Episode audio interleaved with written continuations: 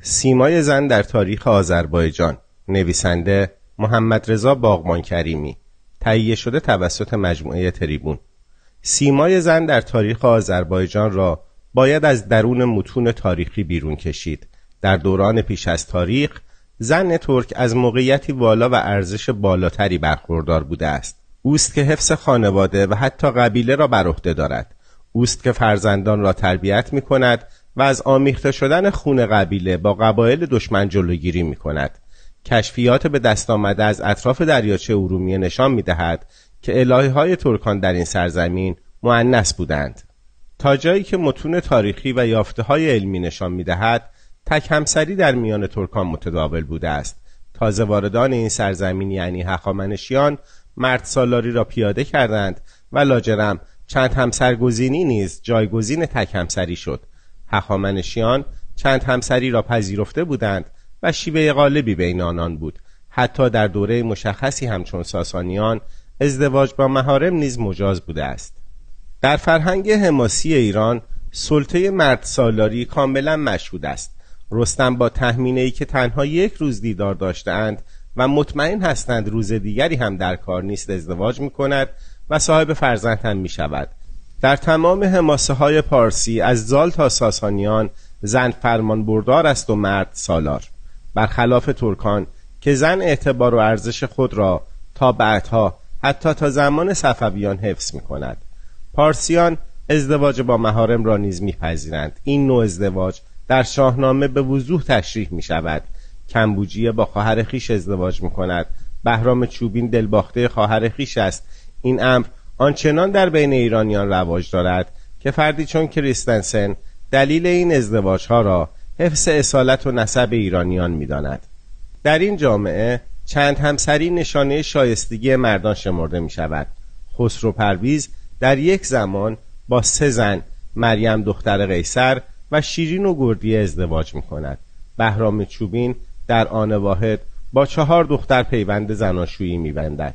برعکس در میان ترکان تک همسری رایج است و وفاداری از ارزشهای اصلی دختران و زنان شمرده می شود و مردان نیز پایبند به تک همسری اما گاهی ازدواج برای حراست از سرزمین مادری تا حفظ مردم از کشتارهای دشمنان با رقیبان نیز مورد پذیرش قرار می گیرد پیران ویسه سپه سالار توران دختر خود جریره را به عقد سیاوش در می آورد. حتی افراسیاب به ازدواج دخترش فرنگیست با سیاوش رأی می‌دهد. ترکان با چنین ازدواجهایی می‌خواستند بذر صلح و دوستی بکارند.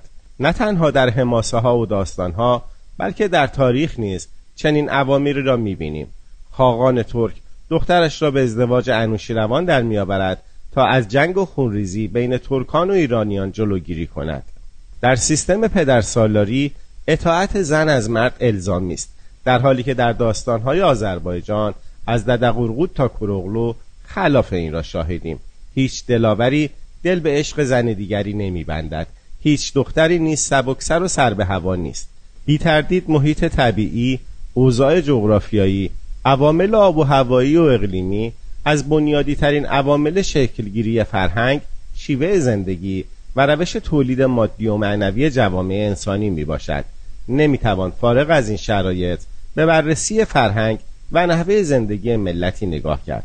از این زاویه ترکان دارای تاریخی دیرین زندگی متنوع و رنگارنگ بودند که صلابت کوهها گستره دشتها درازای تاریخ تنوع برخوردها و غیره در شکلگیری این نوع زندگی و فرهنگ آنان تأثیر نهاده است.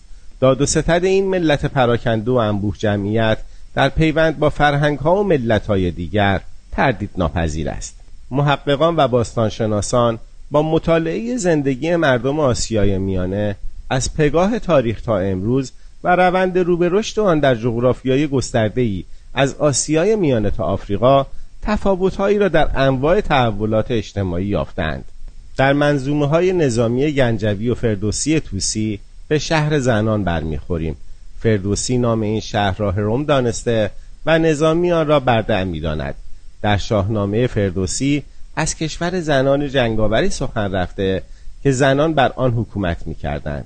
نظامی نیز از آرمان شهر زنان سخن میراند و زنان را حاکمان این شهر یعنی برده شهری در قرهباغ امروزی می‌داند این زنان نام آمازون را از خود به یادگار نهادند و داستان آنان در افسانه های یونانی جایی برای خود باز کرده است آمازون ها هرچند در اسطوره های یونانی معروف گشتهاند اما در نهایت با نام زنان ترک و سکا پیوند یافته و با نام آذربایجان گره خورده است.